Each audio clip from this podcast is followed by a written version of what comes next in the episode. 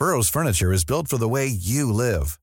From ensuring easy assembly and disassembly to honoring highly requested new colors for their award-winning seating, they always have their customers in mind. Their modular seating is made out of durable materials to last and grow with you.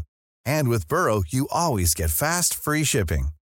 Get up to 60% off during Burrow's Memorial Day sale at burrow.com slash ACAST. That's burrow.com slash ACAST. burrow.com slash ACAST. It's that time of the year. Your vacation is coming up. You can already hear the beach waves, feel the warm breeze, relax, and think about work. You really, really want it all to work out while you're away. Monday.com gives you and the team that peace of mind. When all work is on one platform and everyone's in sync, things just flow wherever you are. Tap the banner to go to Monday.com.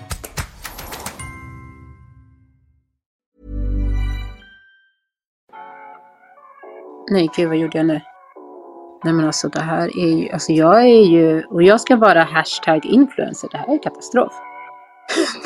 det är liksom det är riktigt jäkla kaos.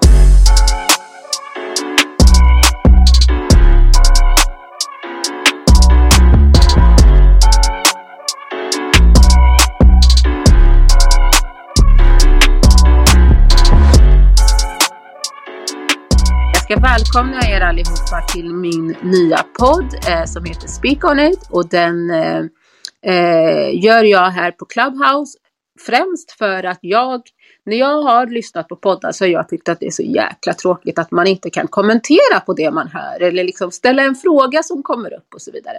Så att utav den orsaken så spelar vi in eh, podden via Clubhouse för då får ni möjlighet att ställa frågor till mina gäster i slutet på samtalet. Eh, och mina gäster är allt ifrån partiledare som till exempel Teysir.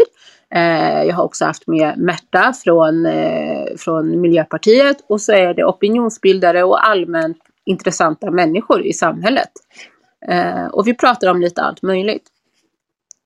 Och när man kommer upp här då och räcker upp handen för att ställa en fråga eller, eller ge en kommentar så godkänner man automatiskt att jag har rätt att distribuera eh, samtalet i efterhand och alltså annonsera samtalet eftersom att det blir en del av podden helt enkelt.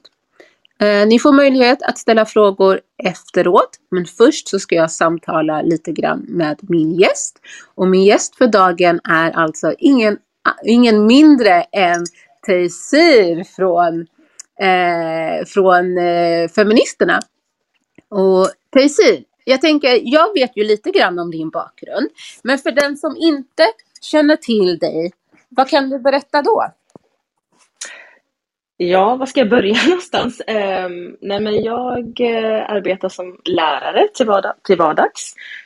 Um, jobbar heltid som lärare på, på en högstadieskola här i Göteborg där jag bor.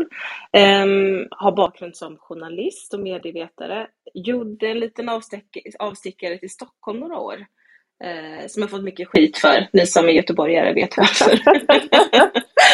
men men uh, ja, eh, flyttade hem igen som sagt. Och sen så eh, har jag egentligen opinionsbildat eh, i många år, arbetat just med afrofobifrågan. Jag har också varit inne i asylrörelsen några år och gav mig in i partipolitiken först 2018. var ganska, inte en motståndare, men var verkligen så här opepp på partipolitiken rätt så länge innan då jag hittade, upptäckte FI. Eh, ja, vad mer, vad, vad mer ska jag svara, säga? det, är så svårt alltid. Ja, att, eh, Nej, men jag tänkte, ju, mm. vad, mm. vad för någonting var det som gjorde att du flyttade till Stockholm och sen eh, lämnade härliga huvudstaden? Mm. Alltså tanken var ju egentligen att jag bara skulle vara i Stockholm några år under min studietid. Okay. Um, och då pluggade jag till tv-journalist uh, och uh, skulle jobba typ med tv. Mm. Uh, jobbade med det ett kort tag och sen så dog min pappa ganska hastigt i cancer.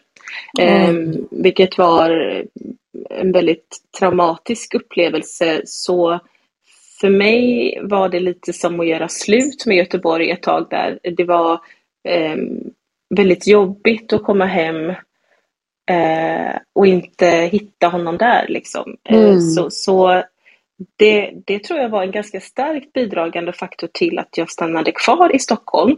Mm. Eh, måste jag ändå säga. Eh, och sen så, så var det väl så att det ena ledde till det andra. Jag eh, som sagt jag jobbade lite journalistiskt men eh, fortsatte även att plugga. Jag har nog alltid jobbat och pluggat samtidigt och gjort mm. många grejer. Ehm, så, så det, det var så det började. Mm. Okej. Okay.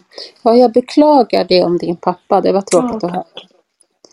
Uh, och du nämnde också att du eh, först så har du jobbat med, eller liksom varit opinionsbildare eh, på olika sätt.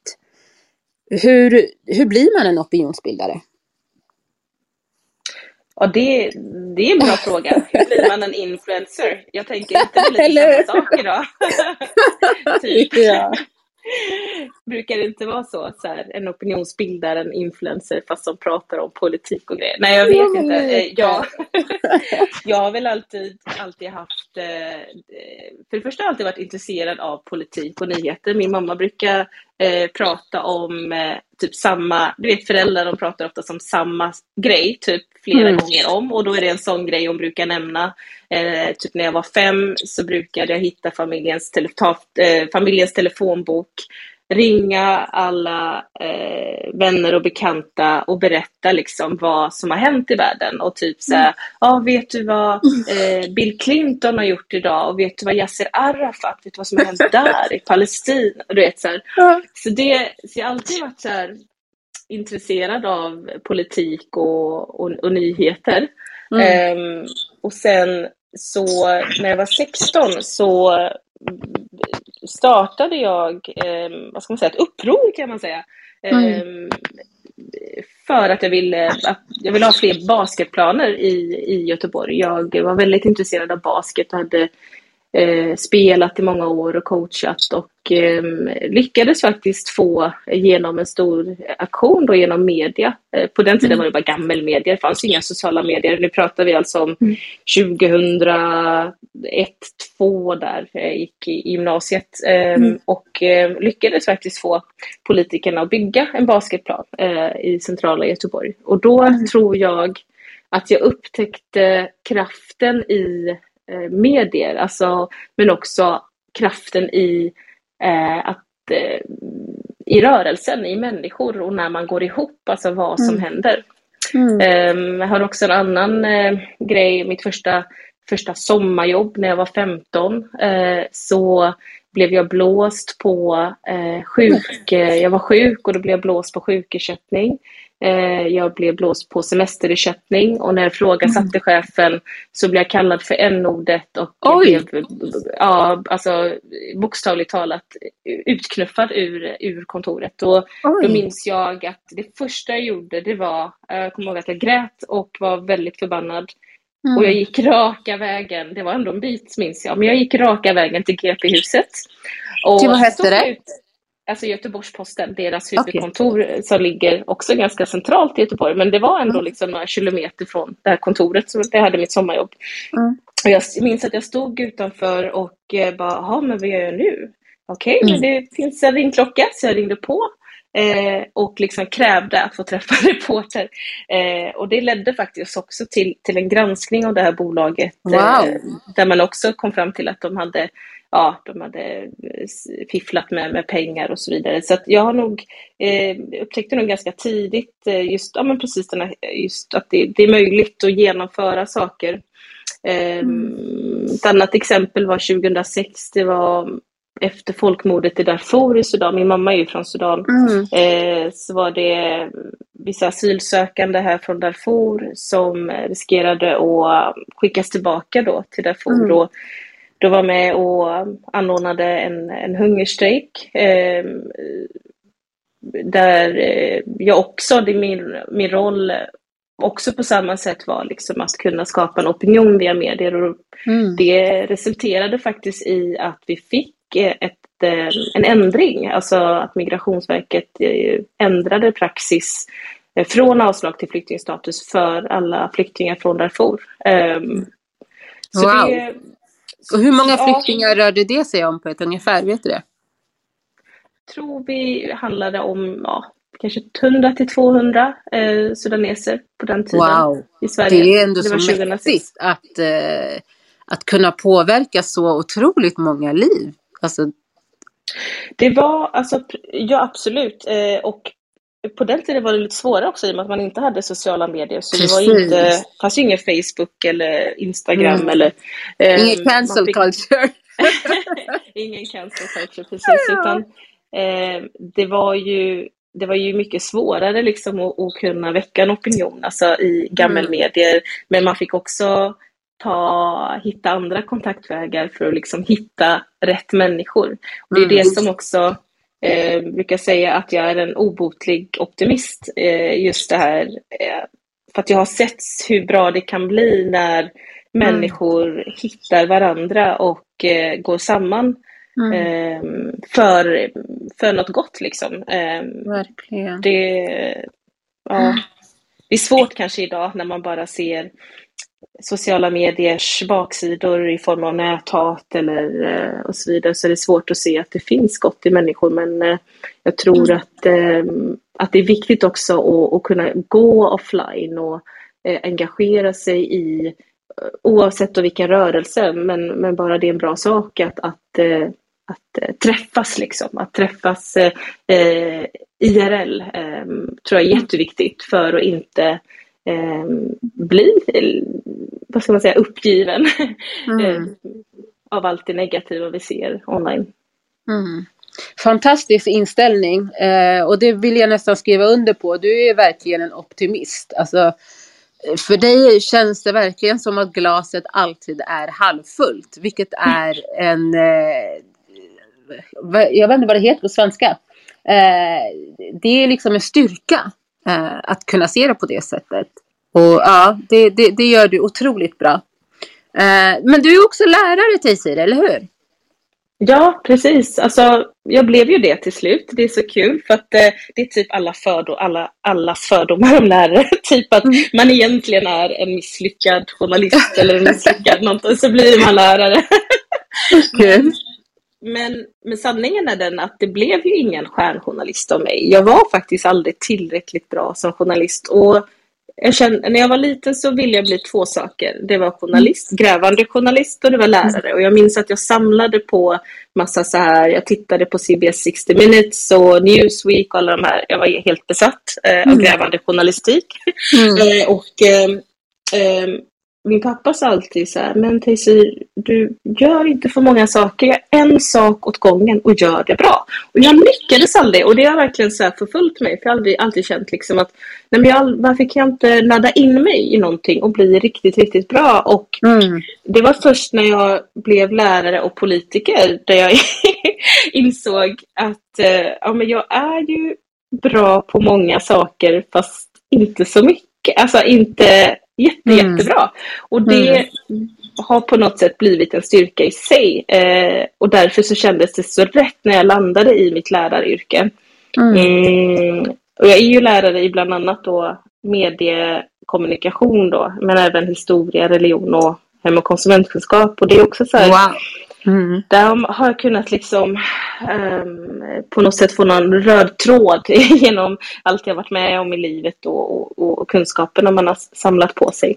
Mm. Ehm, ja, Vad spännande. Men eh, hur mycket har du pluggat för att bli lärare i såna här, så här många ämnen undrar jag då som ja, verkligen inte tycker om skolan men tycker om att lära mig.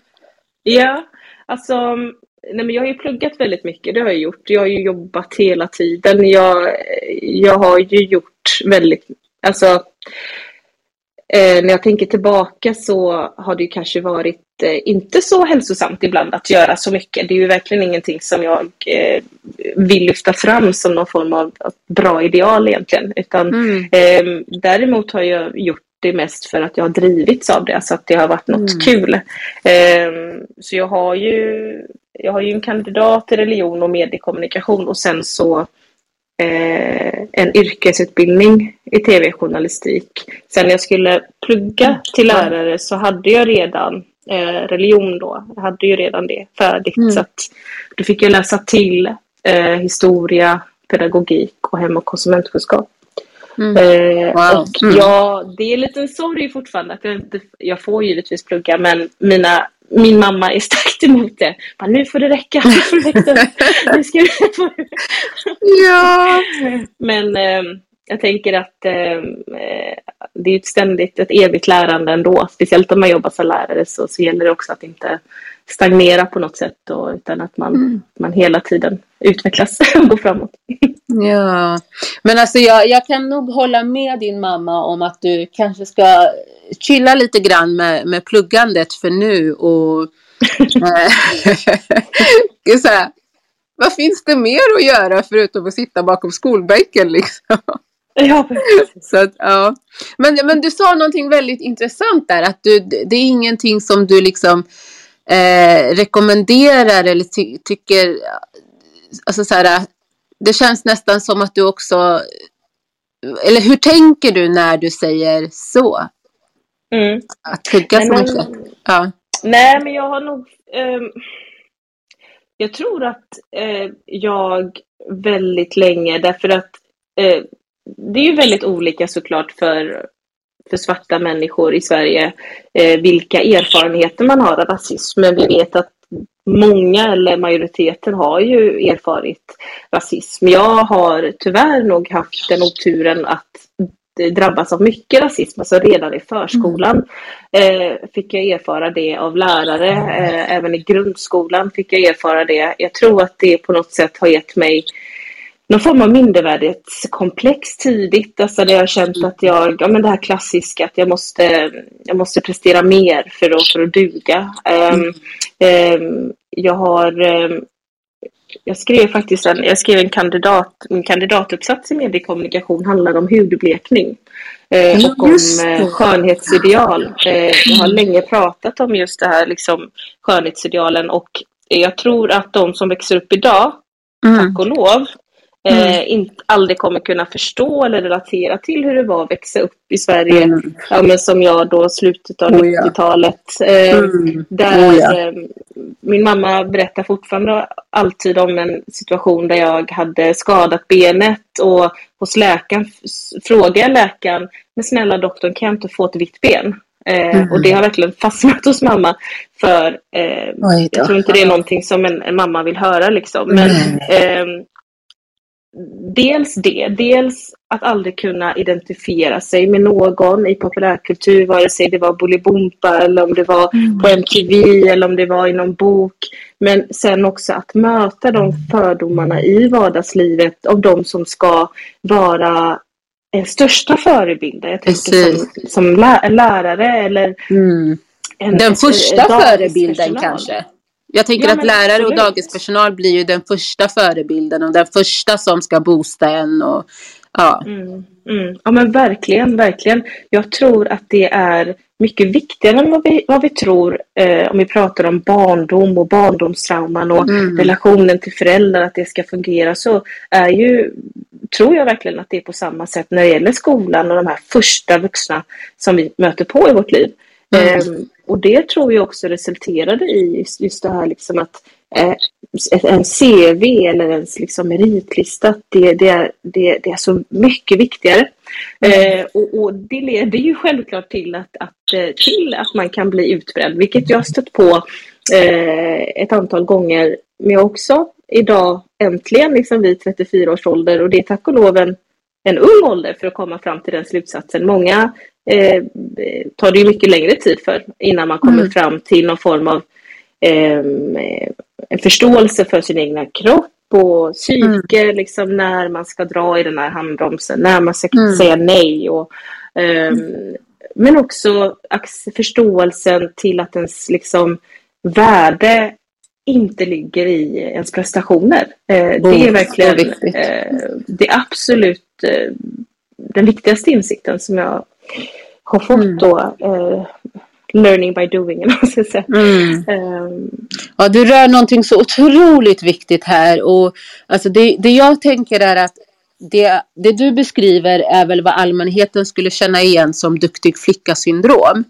Eh, men jag skulle nästan vilja påstå att det finns ett duktig flicka, överpresterande flicka, black girl syndrom. Eh. Ja, men, men, men det är minoritetsstress vi pratar om. Eh, mm. Och det är ju såklart kan ju vara värre för eh, om du är kvinna än om du är man. Men, mm. men, men, men eh, det är ju viktigt att ha med det perspektivet. Alltså mm. just termen minoritetsstress. Eh, för det hänger ihop så starkt med rasism.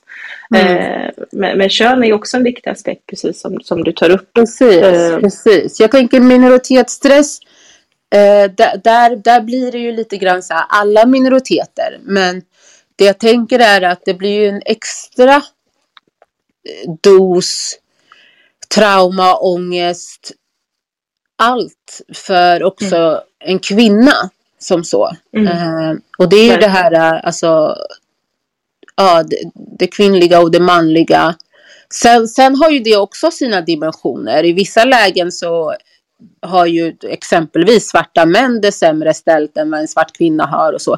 Det måste man mm. väl också ha, ha med i beräkningen. Men om man ska general, generalisera väldigt grovt så tänker jag ändå så faktiskt. Att, att ja, som svart kvinna är det otroligt mycket man konstant ska prestera och, och leverera. Och, ja. Mm. Eh, jag har ju faktiskt fått, fått frågan från eh, lite olika partier om att bli politiker eh, och bli mer politisk eller partipolitiskt engagerad. Kan jag tänka mig. ja, eh, och då var det så här. Eh, absolut, jag var väldigt sugen.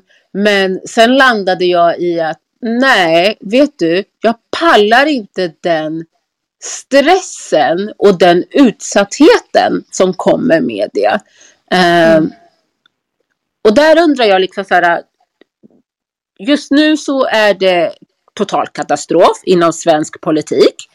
Uh, du är en av de första kvinnliga partiledarna i Sverige, svarta partiledarna i Sverige. Hur navigerar du som svart kvinna i politiken allt som händer och sker just nu?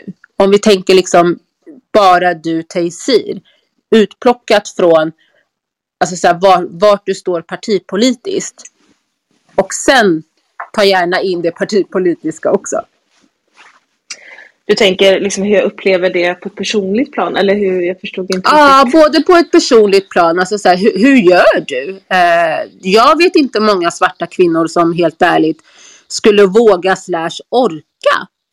Mm. Eh, hur gör du? Hur tänker du? Var hittar du styrkan och kraften? Mm. Eh, och så.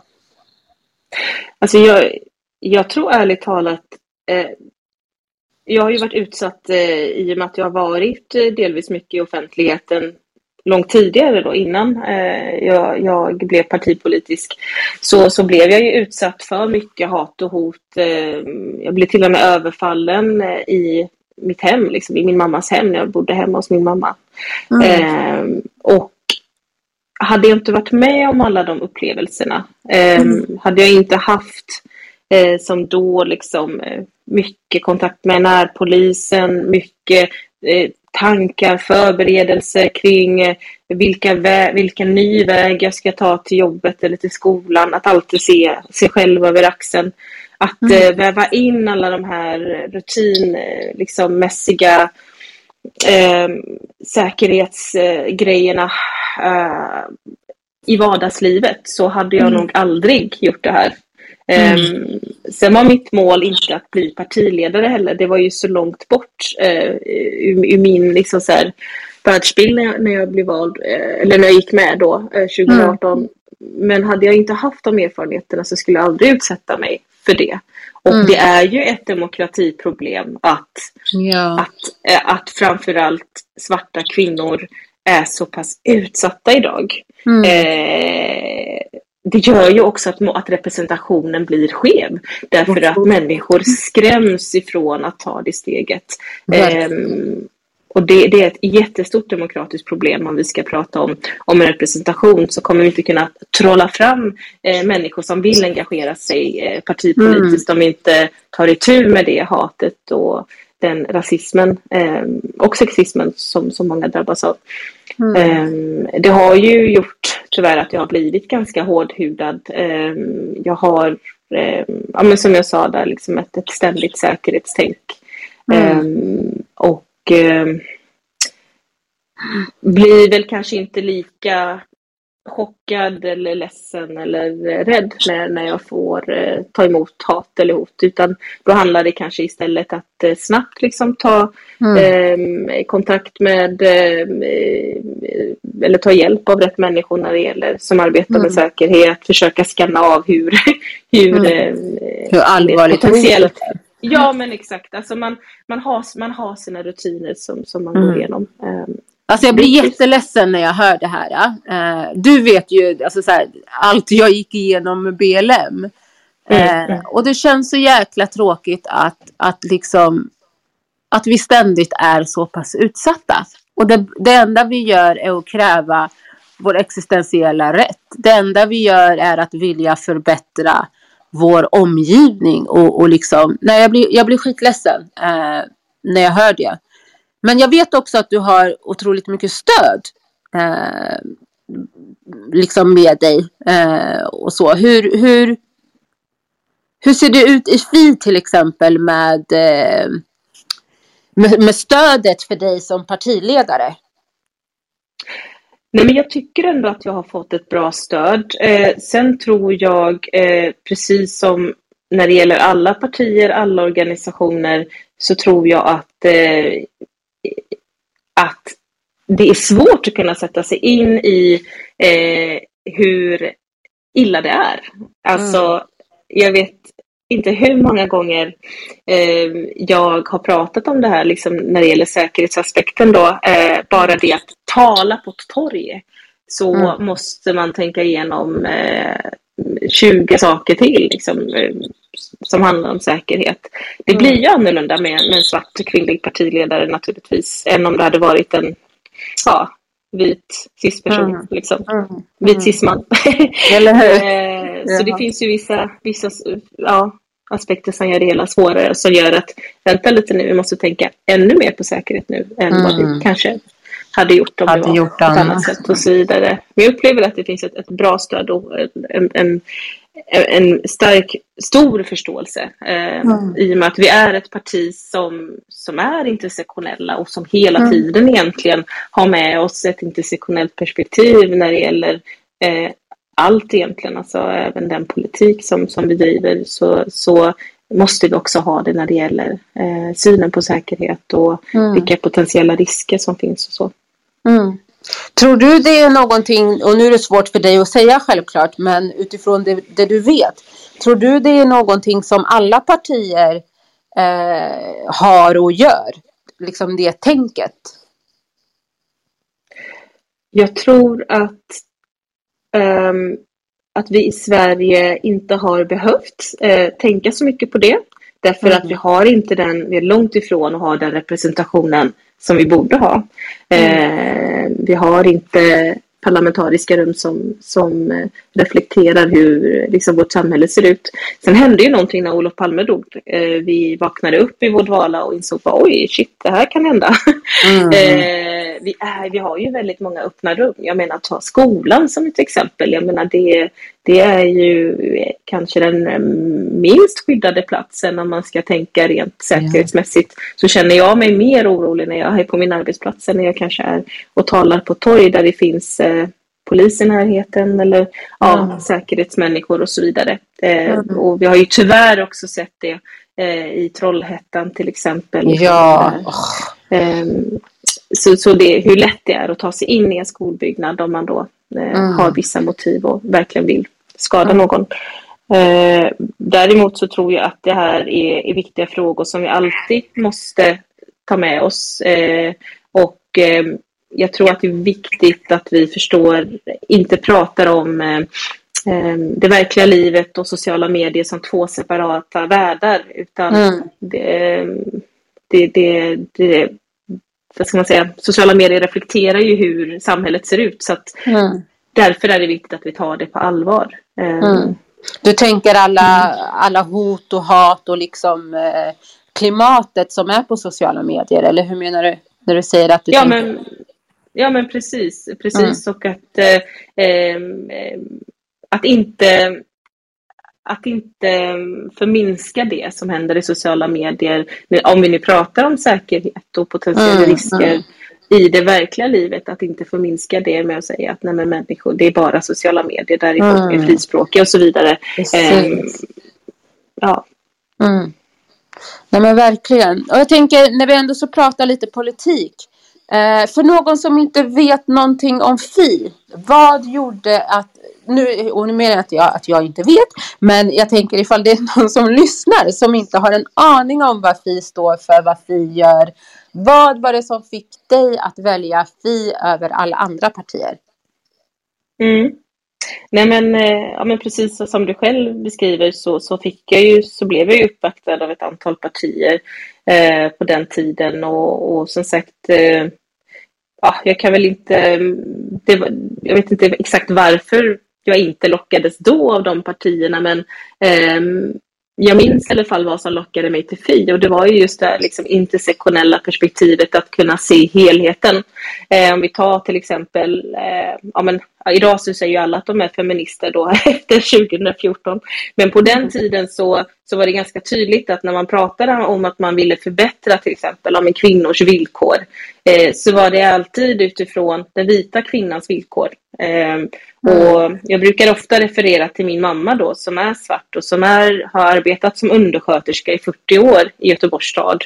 Mm. Eh, och hon har ju drabbats så otroligt mycket rasism för att hon, dels är hon ju kvinna, hon är svart, men hon eh, arbetar också i ett, eh, vad ska man säga, det är inte ett låglöneyrke, men det är ett yrke som ständigt missgynnas. Mm. Eh, och att inte se den hierarkin som uppstår och, så, mm. och att inte kunna se det med intersektionella ögon och se att mm. du är, eh, eh, vad ska man säga, att du blir mer missgynnad bara för att mm. du är svart. Mm. På, mm. eh, och inte kunna skapa politik därefter. Mm. Och, och sen ställa sig frågan, men hur kommer det sig att vissa typiskt manliga eh, yrken, men, eh, brukar prata om eh, pappa Metall och mamma Kommunal. Alltså bara de mm. skillnaderna där. Um, Varifrån kommer det mig. uttrycket ens en gång? Jag, jag, jag tror, det, jag tror det är Gudrun Schyman som har uh, sagt något liknande. Ja. Jag minns inte exakt uttrycket. Men jag tycker ja. det är väldigt bra. Det är väldigt talande och tydligt. Och det, mm. det, det är därför vi har de skillnaderna. Mm. Att kvinnor fortfarande tjänar mindre än män. Mm. Um, det är oh, ja. för att man, det, är, det handlar om vilken ambitionsnivå man har och vad man väljer att prioritera och inte. Mm. Eh, sen och eh, att vara intresserad av politik men känna att du aldrig blir inkluderad. Mm. Trots att du vill det. Det var exakt mm. den känslan jag gick runt med. Jag kände att jag får inte vara med här. Eh, mm. och så fort man skulle prata om eh, inkludering så var det någon form av skeninkludering eller sken, på ett skendemokratiskt sätt att du får vara, här, vara med här som alibi men du ska inte ha tillgång mm. till makt. Och, och det är ju det eh, jag sitter ju i eh, kommunfullmäktige här i Göteborg och bara för några månader sedan så var jag uppe i talarstolen och pratade just om det här. Då pratade jag om eh, i budgetdebatten då där mm. tyvärr Alliansens budget gick igenom. Ja, men, eh, ja, jag vill inte ens tänka på det där. ja. Nej men då, ja. var det en, eh, då var det en fråga om stadsbyggnad och då, då sa jag det liksom att skillnaden att, att driva en intersektionell politik och att inte göra det, det är att mm. med, på ett intersektionellt sätt så har du med, eh, eh, då tänker du på funktionalitet redan i på arkitektstadiet, alltså Precis. i ritningsstadiet. Du kommer inte i efterhand och sätter dit en specialramp utan du har med mm. det från början. Och mm. det är ju det som, som är viktigt när vi skapar politik. Att mm. Vi ska inte ha några eh, specialramper som sätts dit i efterhand utan vi ska mm. liksom driva en politik som inkluderar eh, alla grupper från början. Eh, mm. och det är egentligen bara på det sättet om man tänker där man också eh, skapa representation på riktigt. För att mm. ger du inte äh, de här grupperna möjligheten att kunna få reell makt i de parlamentariska rummen, ja men då har mm. du inte representerat dem. Nej, nej. Jag brukar dra liknelsen att eh, eh, det är som att man blir bjuden till, till balen men du får inte dansa. Eh, och sen Precis, har vi gått precis. från eh, att okej, du får dansa men du får absolut inte bestämma vilken eh, musik som ska spelas. Eh, och då kanske inte du, absolut du får dansa men du kanske inte vet hur man dansar till den här jäkla Mm. plocka äpple-låten som spelas. Och liksom, Du vill twerka och göra lite reggaeton och allt sånt här. Men, men eftersom att du inte får vara med och påverka vad som spelas så kan du inte dansa i alla fall. Så att man fortfarande är eh, hindrad till att faktiskt delta på lika villkor. Eh, som så. Så att ja. Det, var, det, det är en sån eh, liknelse som jag brukar köra. Och, och, och den, jag tycker att det, den blir så tydlig liksom. Att det, ja absolut, man kan bjuda in till balen men det är fortfarande inte alla som, som har kul där. Mm. Ja, ja, men sen är det också eh, en sak som är lite farlig, det är också det här, den här personkulten som vi har idag i Sverige, eller i hela världen, så, som beror Mm. på att vi, vi har haft ett, eh, ett väldigt hårt så här, individualiserat samhälle de senaste vad det, 40 åren. Vi har haft eh, New Public Management, privatisering, privatisering och så vidare Mm. som har gett ja, men hela det här liksom influencer-syndromet. Som gör Mm. också, det har ju också smittat av sig. Och, och visst, det är ju skitbra med influencers ibland, men problemet blir när det smittar av sig på politiken. Eh, Mm. Att det blir någon personkult. Jag har ju varit väldigt tydlig med, jag vill inte ha någon personkult i Fi. Jag vill inte att eh, Fi ska vara synonymt med mig därför att Mm. eh, jag kanske inte finns här imorgon. Ska Mm. den här viktiga antirasistiska feministiska rörelsen dö då? Ehm, och är det verkligen jag som gör att, att den här rörelsen får eh, vad ska man säga, skapa förändring? Eh, det var ju hundra år sedan nyligen som kvinnor fick rösta i Sverige. Inte alla kvinnor, men, men vissa Mm. då. Och blev även då valda in i riksdagen. Och det var ju kvinnorättsrörelsen, alltså rörelsen som var Mm. enade.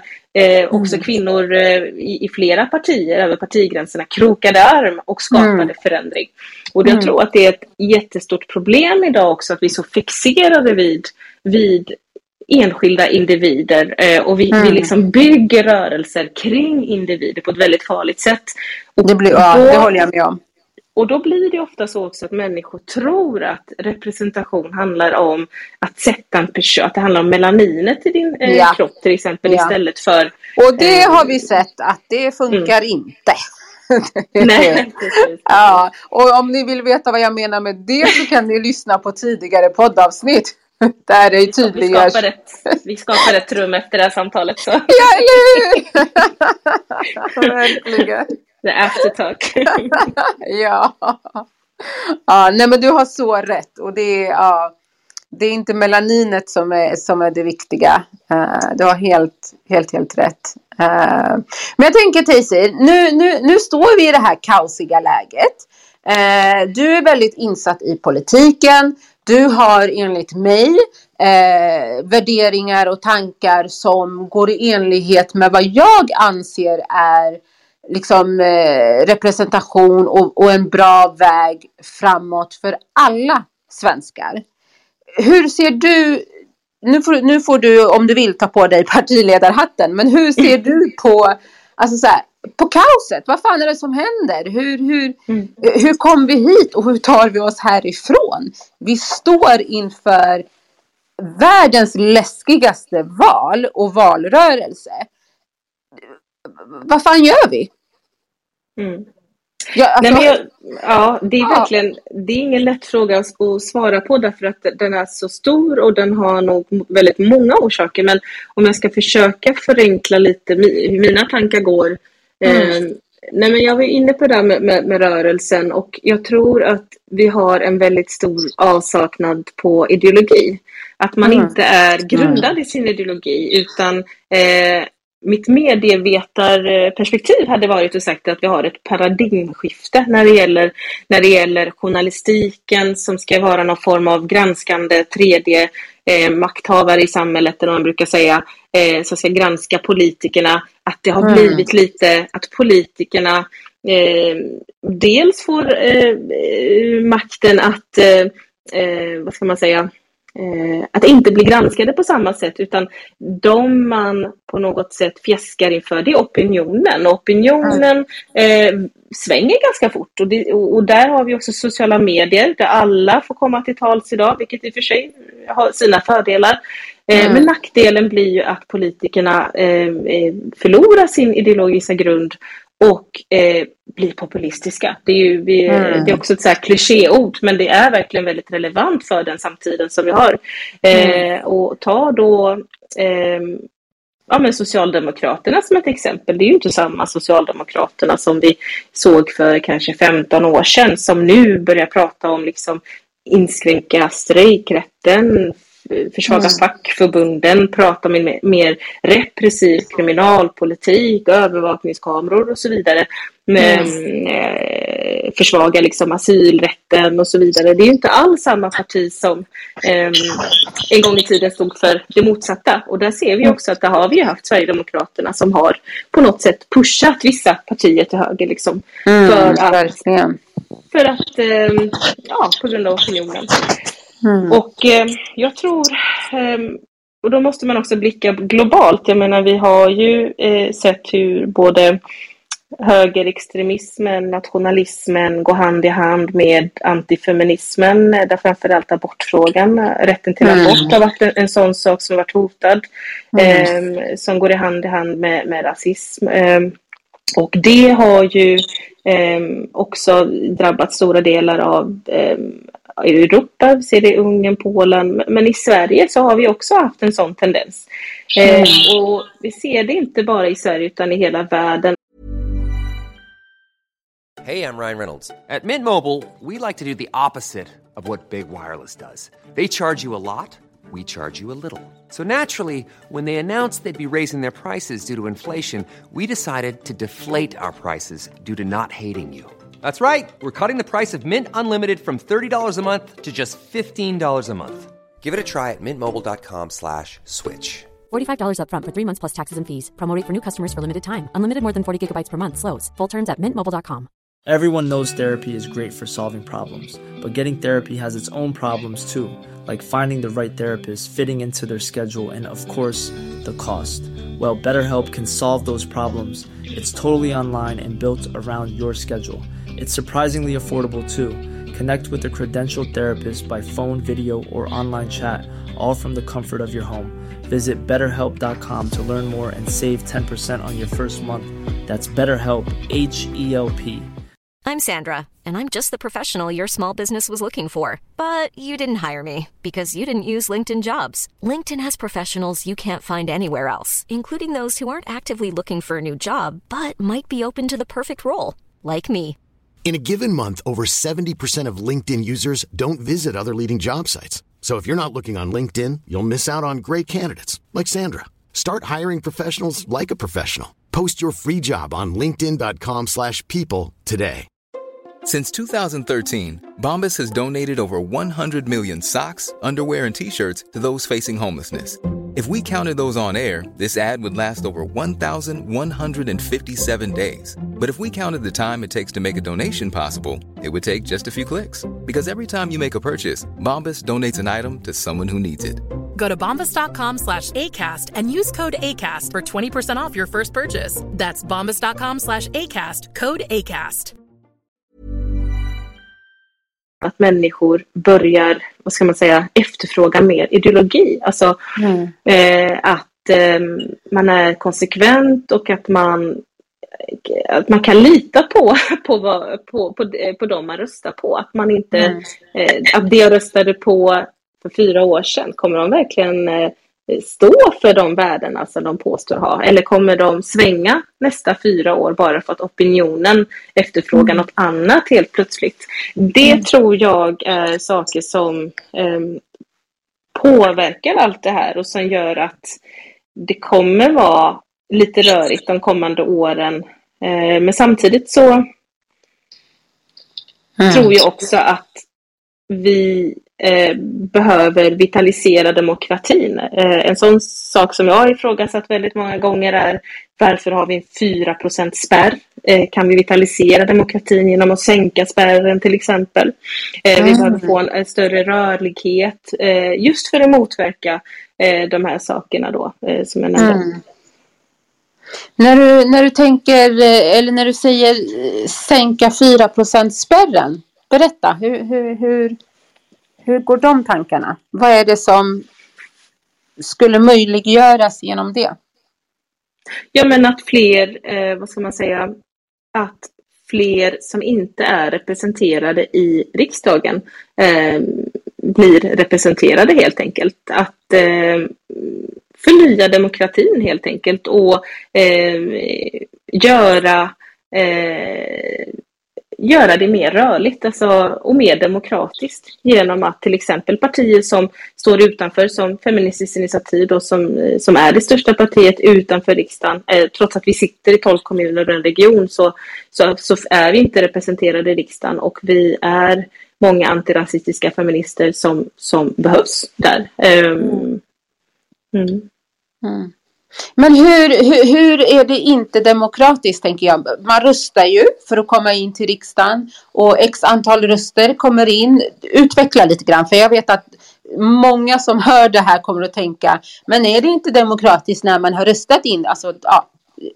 ja, självklart är det, är det ju demokratiskt på så sätt. Jag menar bara att vi kan vitalisera demokratin ytterligare därför att det är väldigt låst och det är därför vi har hamnat i de här eh, orörliga, eh, den här orörliga blockpolitiken eh, som mm. gör att eh, eh, det blir svårt för partier att kunna eh, stå fast vid sina ideologier. Det har vi ju bara sett mm. nu med hela den här röran med till exempel som fick Miljöpartiet att lämna mm. lämna eh, med januariöverenskommelsen som var liksom bara, det var ju bara bäddat för att skapa problem mm. när man tvingas mm. ingå i sådana här komplicerade avtal eh, mm. för att man är beroende av, eh, av mm. liknande avtal för att kunna eh, vara kvar. Överleva. det, det tror jag är problematiskt och det tror jag också är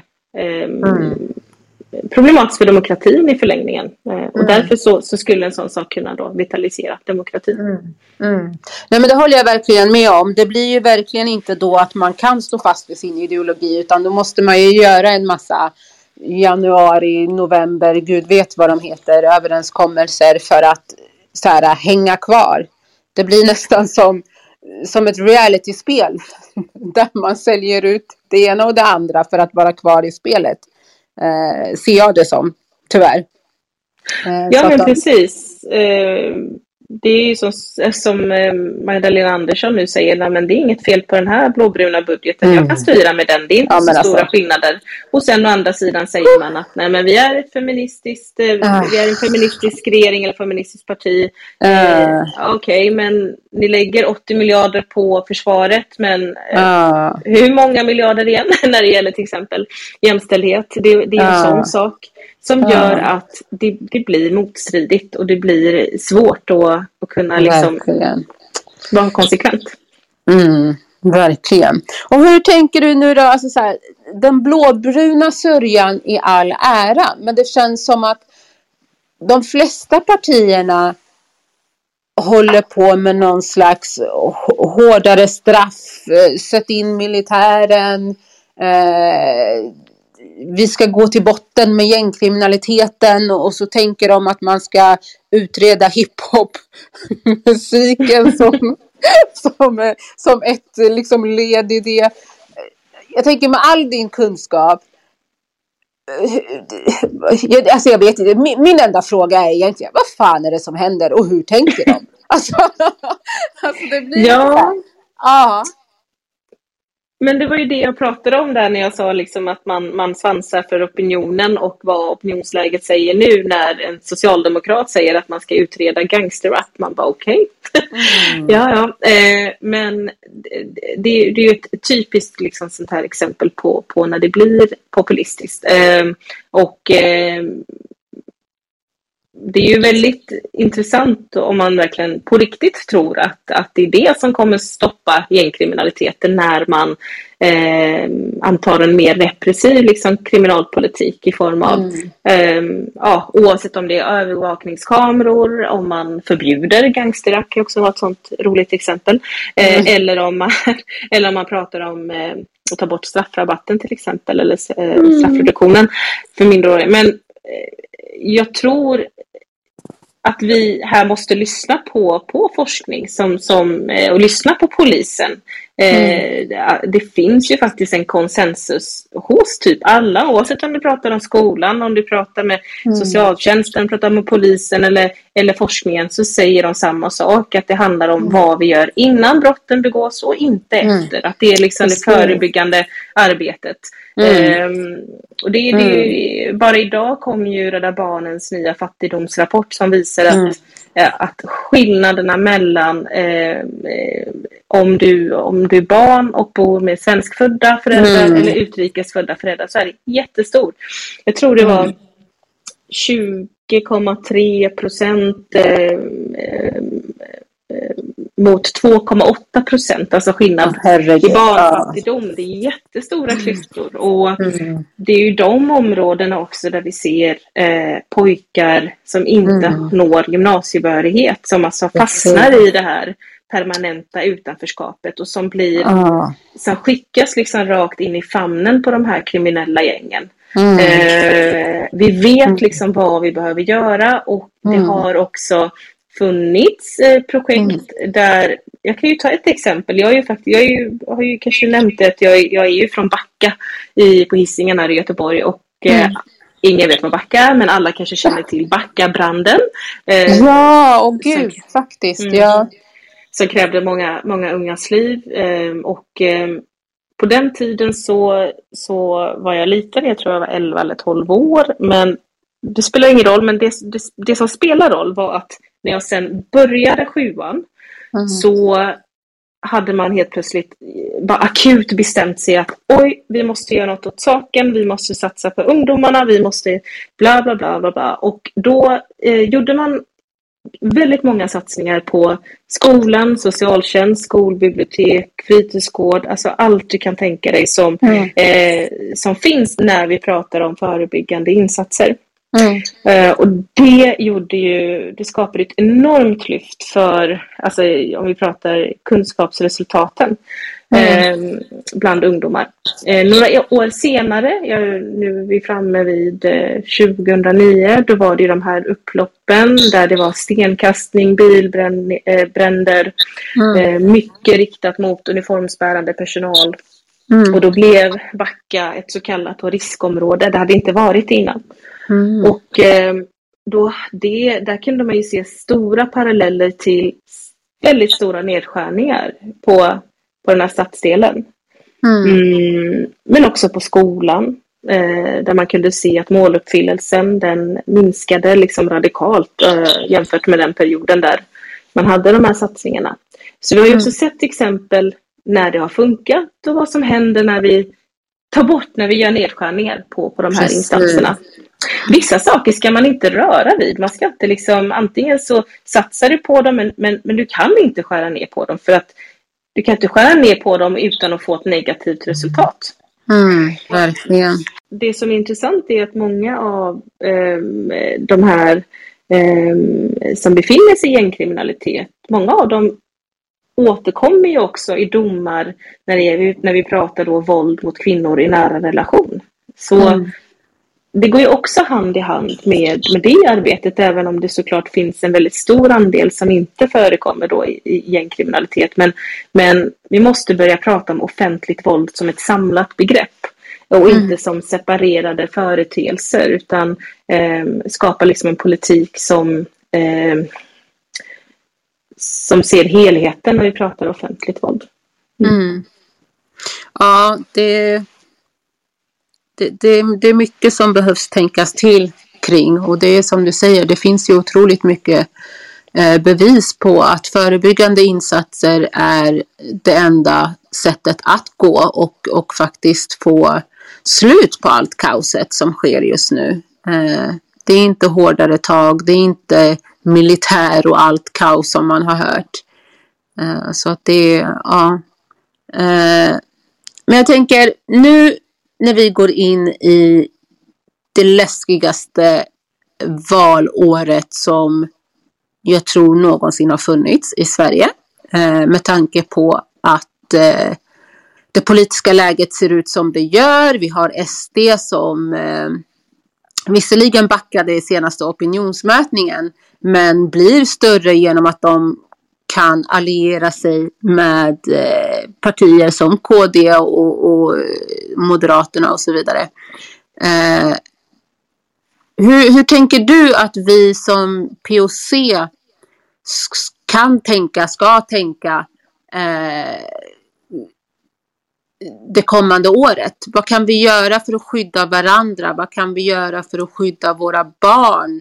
Eh, och så. Har du några tankar kring det?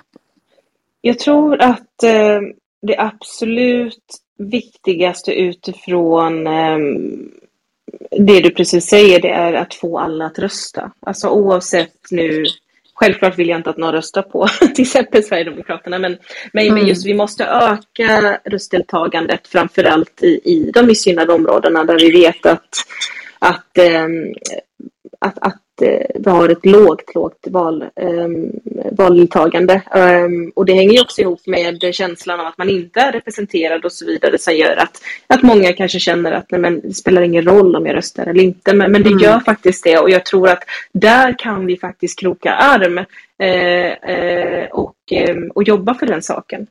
Mm. Eh, sen om jag ska prata utifrån liksom ett partipolitiskt perspektiv så, så tror jag att det är extremt viktigt att vi ser och förstår behovet av att bredda en vänster. Nu pratar jag inte om Vänsterpartiet utan en vänster där Fi mm. eh, ingår. Eh, kommer vi komma in i riksdagen det här valet? Det kanske vi inte gör, men vi finns i tolv kommuner eh, och en region och vi eh, avser att, liksom att stanna kvar och kämpa för att komma in i fler. Därför att jag är helt övertygad om att eh, det är Eh, kontinuiteten och eh, uthålligheten som är de värdena som, som är viktiga att, eh, att värna om. Att eh, rörelser byggs inte över en natt. Jag menar, det är ju det som var, problemat det som var det problematiska med metoo, att det marknadsfördes som någon form av modefluga. Men modeflugor har ju sin tid och sen så försvinner de. Eh, och då var det ju även lätt för alla partier att plocka på sig feministhatten och säga ja men vi är feminister och vi är också antirasister. Men hur mycket av det såg vi i praktiken i den politiken som man genomförde? Eh, vilken ambitionsnivå handlar det om? Jag menar när mm. vi hade en rödgrön regering så såg försvarsbudgeten ut på ett visst sätt. Vi pratar närmare 80 miljarder till 2023 i deras budget. Och jag tror det var 6,1 miljarder när vi pratar jämställdhetsfrågor till exempel. Mm. Det är en jättestor skillnad men också väldigt tydlig vilken ambitionsnivå. Min partiledarkollega Farida sa i den nya regeringsförklaringen så, så förekom ordet sten mer än jämställdhet. Det säger oh, wow, ja, jag såg faktiskt det. Jag såg faktiskt det. Ja. ja, det är så sant. Ja. ja men, så det, det, är väldigt lätt liksom att säga ja, jag är antirasist eller jag är feminist. Men, men sen måste man också någonstans bevisa det i praktiken. Och det är mm. väldigt lätt. Det var väldigt lätt 2014 att säga ja, men jag, jag, jag, jag är feminist, jag, jag, jag röstar på Fi.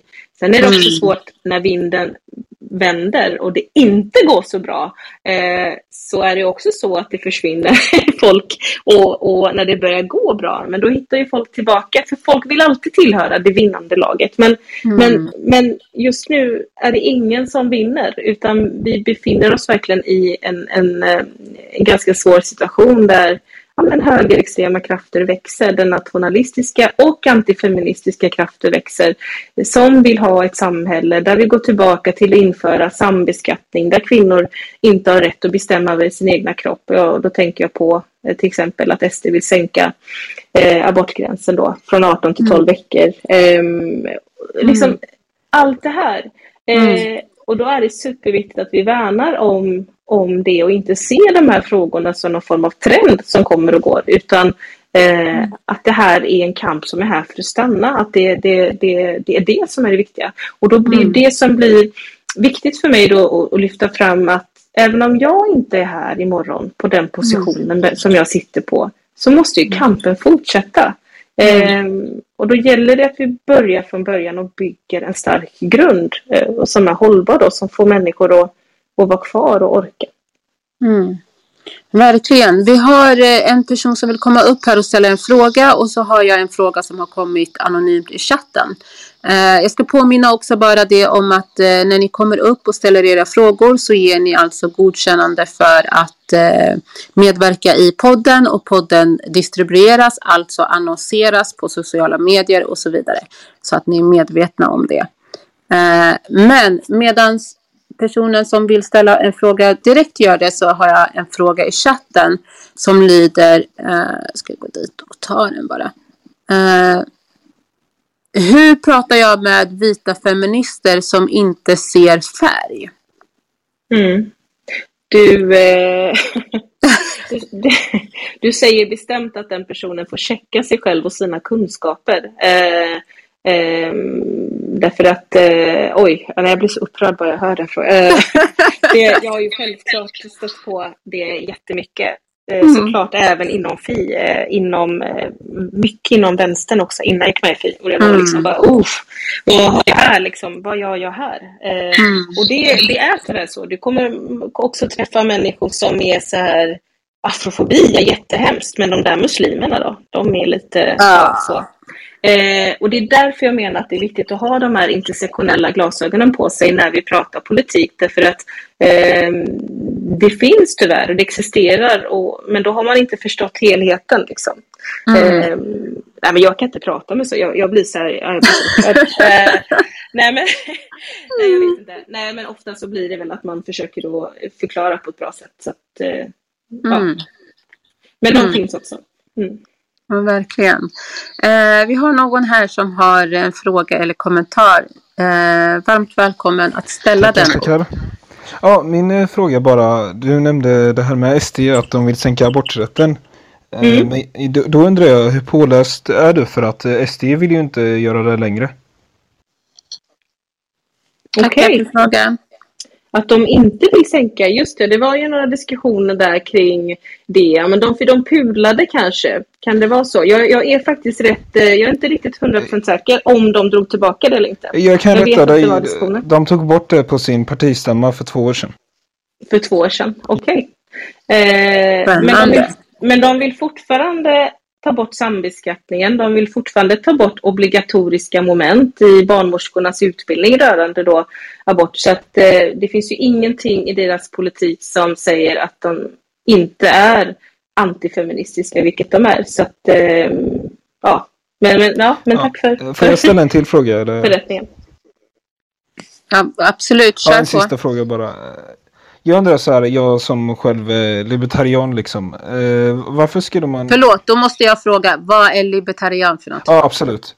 För jag vet att den frågan kommer att dyka ja. upp sen. Så. ja, men jag kan förklara lite kort. Alltså jag själv tror på en mm. liten stat. Jag tror mycket på individens frihet. Jag tror självklart på feminism och så. Alla människors lika värde och så vidare. Eh, och jag undrar liksom. Eh, tror du att Fi är ett alternativ om man liksom är libertarian eller Alltså hur befinner er? Alltså hur mm, mm. tänker ni? Alltså är ni vänster eller höger eller hur skulle man kunna se på er? Ja. Libertarian? Ja, ja, men tack för din fråga. Eh, jag tycker det är väldigt Jag har diskuterat mycket med libertarianer måste jag säga. Jag var väldigt länge fascinerad över hur, hur, hur man tänker liksom så eh, Eh, när det gäller det. Eh, och mycket av the American Dream bygger just på det och många pratar om en Swedish Dream, att alla kan lyckas då. Eh, som många påstår. Eh, men eh, jag tänker så här att FI är ett ganska dåligt alternativ. Eh, vi är ju ett uttalat vänsterparti eh, enligt vår senaste kongress, eh, men vi var det även innan därför att tittar man på vår politik så är det en ganska tydlig omfördelningspolitik. Eh, vilket då egentligen går eh, i motsats då eh, till den libertariana liksom, ideologin som så.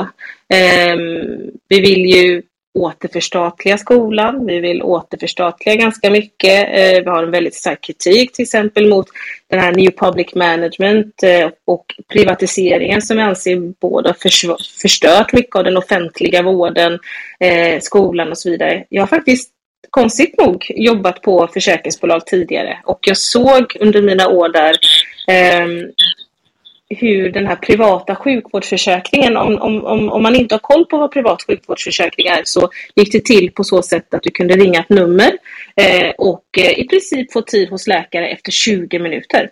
Jag hade tillgång till en sån själv nämligen som, som, som förmån ett tag.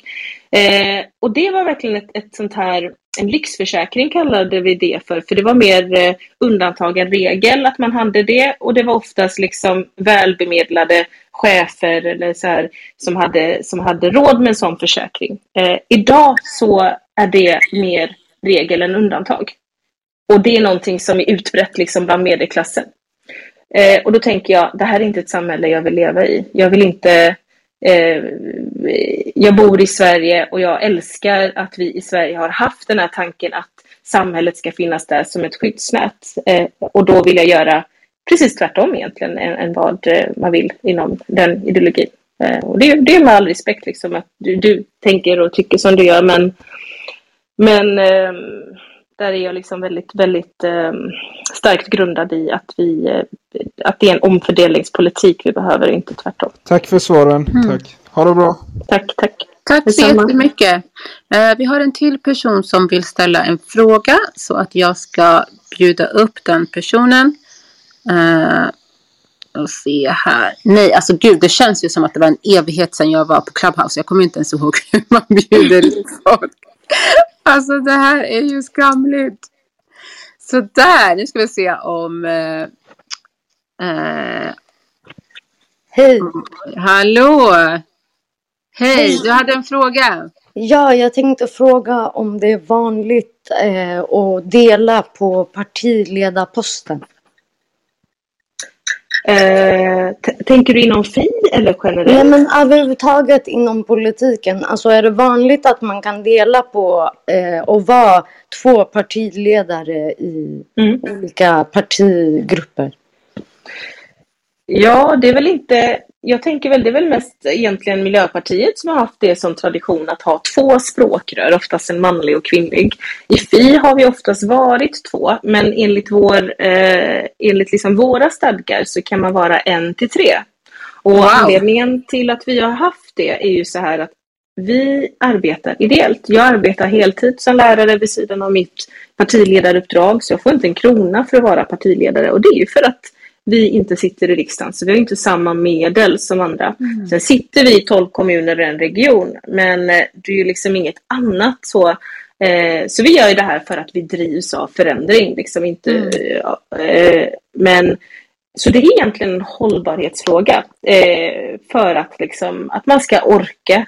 Eh, och det är någonting som jag är väldigt stolt över med mitt parti, är att eftersom vi framförallt är ett feministiskt parti. Jag menar, jag är mamma, jag har en son som jag också som ska ha det bra. Eh, och eh, hur kan vi skapa en hållbar kultur där vi inte går in i väggen? Därför att mm. kampen får ju inte bränna ut människor. Det, det, kan ju aldrig vara tanken. Det kan inte vara tanken heller att den dagen någon väljer att bli förälder att mm. eh, man måste sluta engagera sig. Jag tycker vi ska eh, ha det som eh, våra viktigaste feministiska frågor egentligen. Eh, att möjliggöra för kvinnor att dels kunna eh, göra karriär eller mm. whatever, men också kunna vara förälder som en sån sak, men inte bränna ut sig heller. Mm. Så den anledningen har vi valt att ha eh, en till tre då, partiledare. Mm. Otroligt viktiga tankar bakom det måste jag säga eh, som är ensamstående mamma till tre barn, eh, varav två har funktionsvarianter. Det blir liksom alltid bara, aha, men vadå, jobbar du? Aha, du driver företag? Ja, du gör karriär.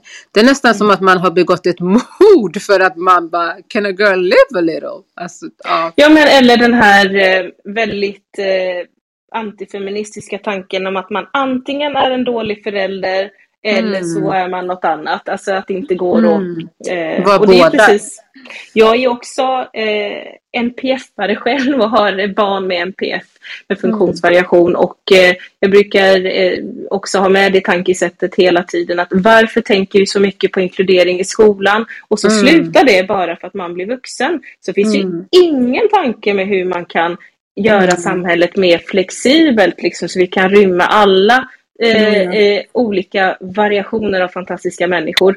Eh, det är ju så himla konstigt. Mm. Mm. Och det är en jätteviktig feministisk fråga. Mm. Verkligen. Vi har en till fråga eh, anonymt i chatten som låter så här. Nu ska vi se här. Uh, där var det man gick. Uh, tror du det är ett reellt faktum att SD kommer in uh, i regeringen och riksdagen? De sitter väl redan i en av dem? Mm. Um, inte nu, tror jag inte. Um, fast å andra sidan satt jag 2010 och grät när de fick mm. typ, vad var det, inte mycket alls i... Nej men jag tror så här att eh, det är alltid viktigt att synliggöra hur någonting eh, utvecklas. Eh, vi har som policy FI att vi mm. aldrig samarbetar eller röstar på ett SD-förslag. Mm. Och det är på grund av att vi alltid måste synliggöra normaliseringsprocessen. Mm. Och det är det problemet som vi ser. Vi ser hur SD, hur rasismen normaliseras mer och mer och mer. Och hur börjar normalisering? Ja, men det börjar med att man börjar rucka på sina principer. Ja, men det är mm. okej okay att vi pratar med dem. Ja, men vi lyssnar på dem. Ja, men de är mm. demokratiskt valda. Men vi måste lyssna och så vidare. Till slut så sitter du vid samma förhandlingsbord. Det är mm. så det, det är där det slutar. Så oh, ja. Ja, alltså om, om vi fortsätter den här normaliseringsprocessen så skulle inte jag bli förvånad om de ingår i någon form av regering. Ehm, jag vet att Moderaterna och Kristdemokraterna säger att ja, vi, vi, vi, vi kommer inte förhandla med SD, men jag menar jag, har ingått en budget med dem. Jag menar, mm. om, om Har man inte förhandlat då? Exakt, så vad finns det kvar? Alltså, förutom ja Eh, om du redan har diskuterat ekonomi, vad finns det kvar? Eh, mm. så, eh, och det, det, finns någon, nu kommer jag inte ihåg, men man brukar säga, brukar säga det som, som jag är historielärare också, jag det till mina elever att det, det brukar krävas två val bara för ja. att eh, avskaffa all form av demokrati. Eh, mm. Två val. Mm. Eh, så, så därför är det så extremt viktigt att vi, att vi alltid synliggör normaliseringen av rasism och eh, konsekvent, konsekvent inte ruckar vid våra principer. Mm, nej men verkligen. Och det här med demokratiskt val, nu, nu börjar vi gå över lite grann här på tiden, men det här med demokratiskt val. Hitler är, eller var ju demokratiskt val. Betyder det mm. att det var rätt för det liksom? Jag tycker att det, nej, det blir lite nej. skevt om man bara pratar och, och försöker eh, legitimera det faktum att man pratar med SD eller så vidare genom att ja, men de är demokratiskt valda.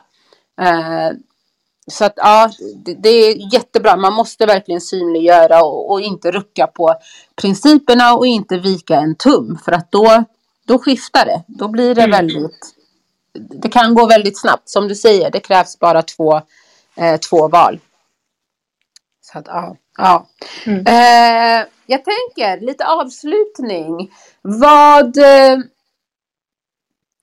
vad gör du i jul och vad tänker, äh, vad tänker du eh, kommer bli den viktigaste valfrågan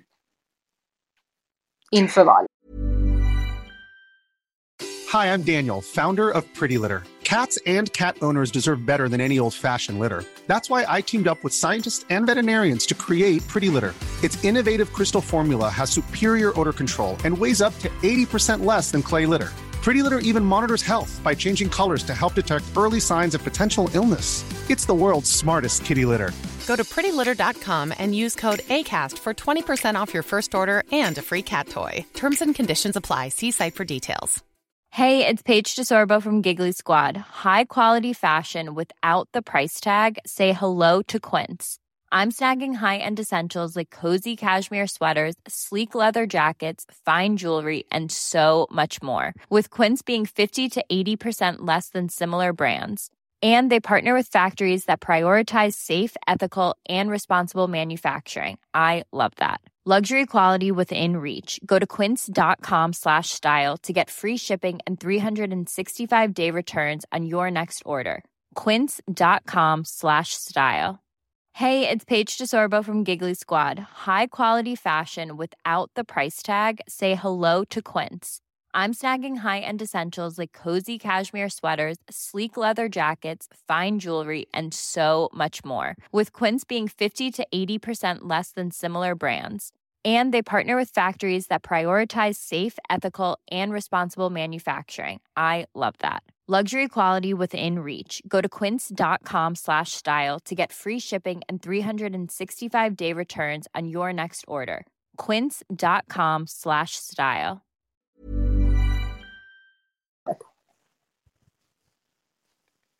Jag tror att eh, vi tyvärr kommer fastna i väldigt mycket populistiska förslag om hur eh, diverse partier kan stoppa eh, det offentliga våldet, eh, de här dödsskjutningarna, alltså gängrelaterade skjutningarna.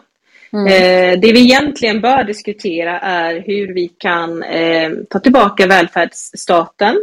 Mm. Det vill säga att vi jobbar med de förebyggande aspekterna. Vi har ett eh, vi är ett av de länderna i världen där klassklyftorna växer snabbast. Mm. Eh, vi har en skola i förfall skulle jag vilja säga därför att mm. kunskapsklyftorna är det är så stora kunskapsklyftor och vi har hela områden där bara 20% når gymnasiebehörighet.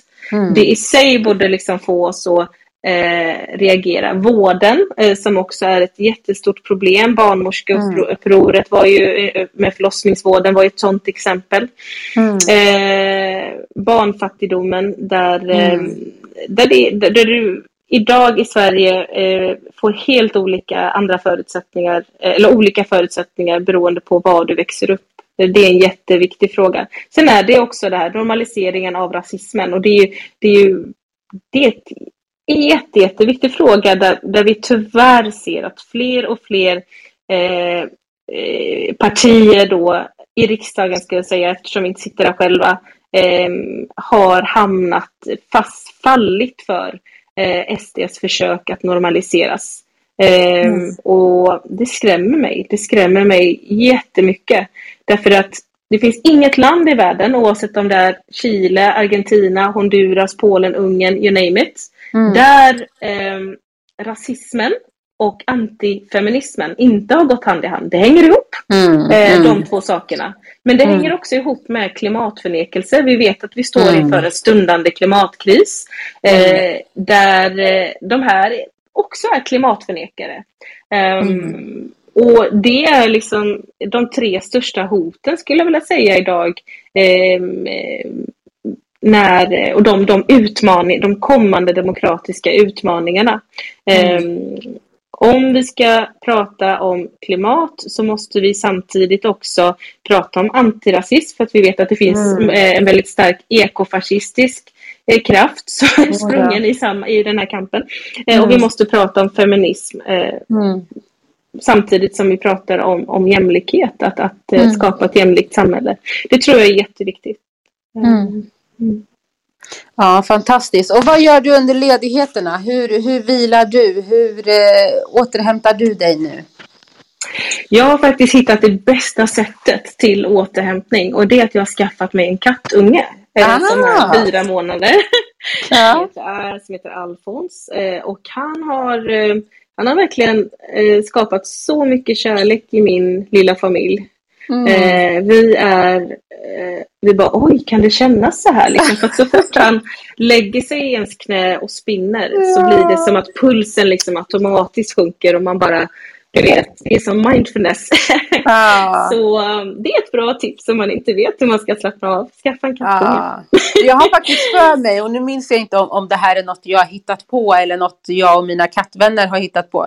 Men eh, katter ska ju faktiskt ha en sån lugnande och helande effekt på människor. Eh, och speciellt liksom det här stressnivåer, depression och eh, ohälsa, alltså psykisk ohälsa och så vidare så ska ju katter faktiskt vara väldigt, väldigt bra.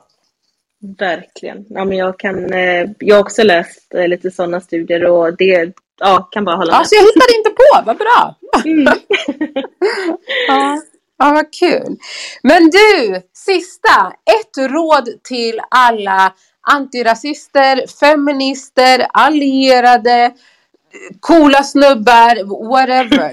Vad har du för råd inför, eh, inför, inför, nästa år helt enkelt och allt som kommer mm. med det året? Ja, nej men utifrån mina samlade erfarenheter, låter som att jag är jättegammal. Nej men eh, jag har ju ändå varit med om, om en hel del skulle jag säga och det jag kommit fram till är att alltid ha ens psykiska välbefinnande, mm. eh, ha det som nummer ett på din lista. Därför att eh, är du dessutom en minoritetsperson eller eh, svart kvinna eller man eh, så så blir man otroligt, otroligt mentalt sliten av eh, all rasism och diskriminering som händer i samhället. Men också liksom att ständigt gå runt med en oro, klump i magen. Vad händer nästa val? Vad händer efter valet? Eh, ska jag engagera mig eller så får jag mm. ångest för att jag inte engagerar mig. Mm. Eh, det är, mm. Vi måste prata mer om psykisk hälsa. Och sen, sen är det också så, eh, jag är eh, feminist, jag är antirasist. Jag kommer alltid prata om hur viktigt det är att vi frigör mannen. Att vi eh, mm. arbetar bort de här negativa maskulinitetsnormerna som mm. är skadliga. Eh, som är den här machokulturen där man inte kan prata om känslor. Eh, mm. Där man inte får vara sig själv. Jag tror att det är eh, mm. jätteviktigt. Eh, mm. Så sätt dig själv eh, nummer ett mm. innan du ger, ger dig in i rörelsen så att säga. För den är mm. också viktig. Mm. mm. Fantastiska råd. Tack, tack så jättemycket Tejsi för att du tog dig tiden. Jag vet att det är en hektisk eh, tid nu för alla som är engagerade och framförallt för dig som partiledare då. Men det uppskattas jättemycket att du tog dig tiden att gästa eh, min podd Speak on it. Eh, och eh, ja, jag vet inte vad jag ska säga. Jag blir bara mer och mer fangirl utav dig. Så det känns superkul att få höra dina tankar också eh, in i liksom valrörelsen och hur jag som svart kvinna, svart mamma, förortsbo, whatever label man vill mm. lägga på mig kan tänka och eh, hur jag kan agera. Så tusen, tusen tack! Tack Aisha och som jag alltid säger, du är alltid en vän i Göteborg. Vi har ju känt varandra eh, way ja. back, så det är alltid kul. Sen vill jag också säga att eh, oavsett om man är engagerad partipolitiskt eller vad man än gör, alltså alla vi behövs och all, mm. allt måste gå hand i hand. Vi brukar säga inom FI att vår, eh, vi vilar på tre ben, nämligen aktivism, bildning och parlamentarism. Alla kan inte mm, göra alla tre utan vi måste, vi behöver varandra eh, så kommer vi liksom mm. kunna skapa en bra stark rörelse tillsammans. Så tack så mm. jättemycket. Fantastiskt. Tack så jättemycket och tack alla ni som har lyssnat. Eh, vi är tillbaka nästa vecka. Eh, det är då säsongsfinalen för, eh, för årets Speak On It. Eh, och eh, då har vi ingen mindre än eller jag ska inte säga namnet för att jag, jag blandar alltid ihop dem. Men det är en av systrarna Parnevik i alla fall. Som vi ska prata lite grann med om just det som Teysir faktiskt tog upp nu i slutet här. Eh, om psykisk ohälsa och framförallt psykisk ohälsa bland unga. Eh, statistiken säger att sedan dess att sociala medier kom till så eh, tyvärr är det allt fler ungdomar som, eh, som rapporteras eh, ha psykisk ohälsa på olika sätt. Och värst drabbad är tjejer och de drabbas allra, allra mest på sociala medier utav tyvärr människor som mig som är influencers. Och, eh, och vi ska prata lite grann helt enkelt om om hur det ser ut, statistiken, vad kan man göra åt saken? Vad, eh, vad har vi för skyldighet som influencers och opinionsbildare av olika slag? Eh, så att ja, vi, vi hörs igen nästa vecka helt enkelt. Pinga in alla era vänner då och så ska vi helt enkelt speak on it. Tack! Hej då! Hej då!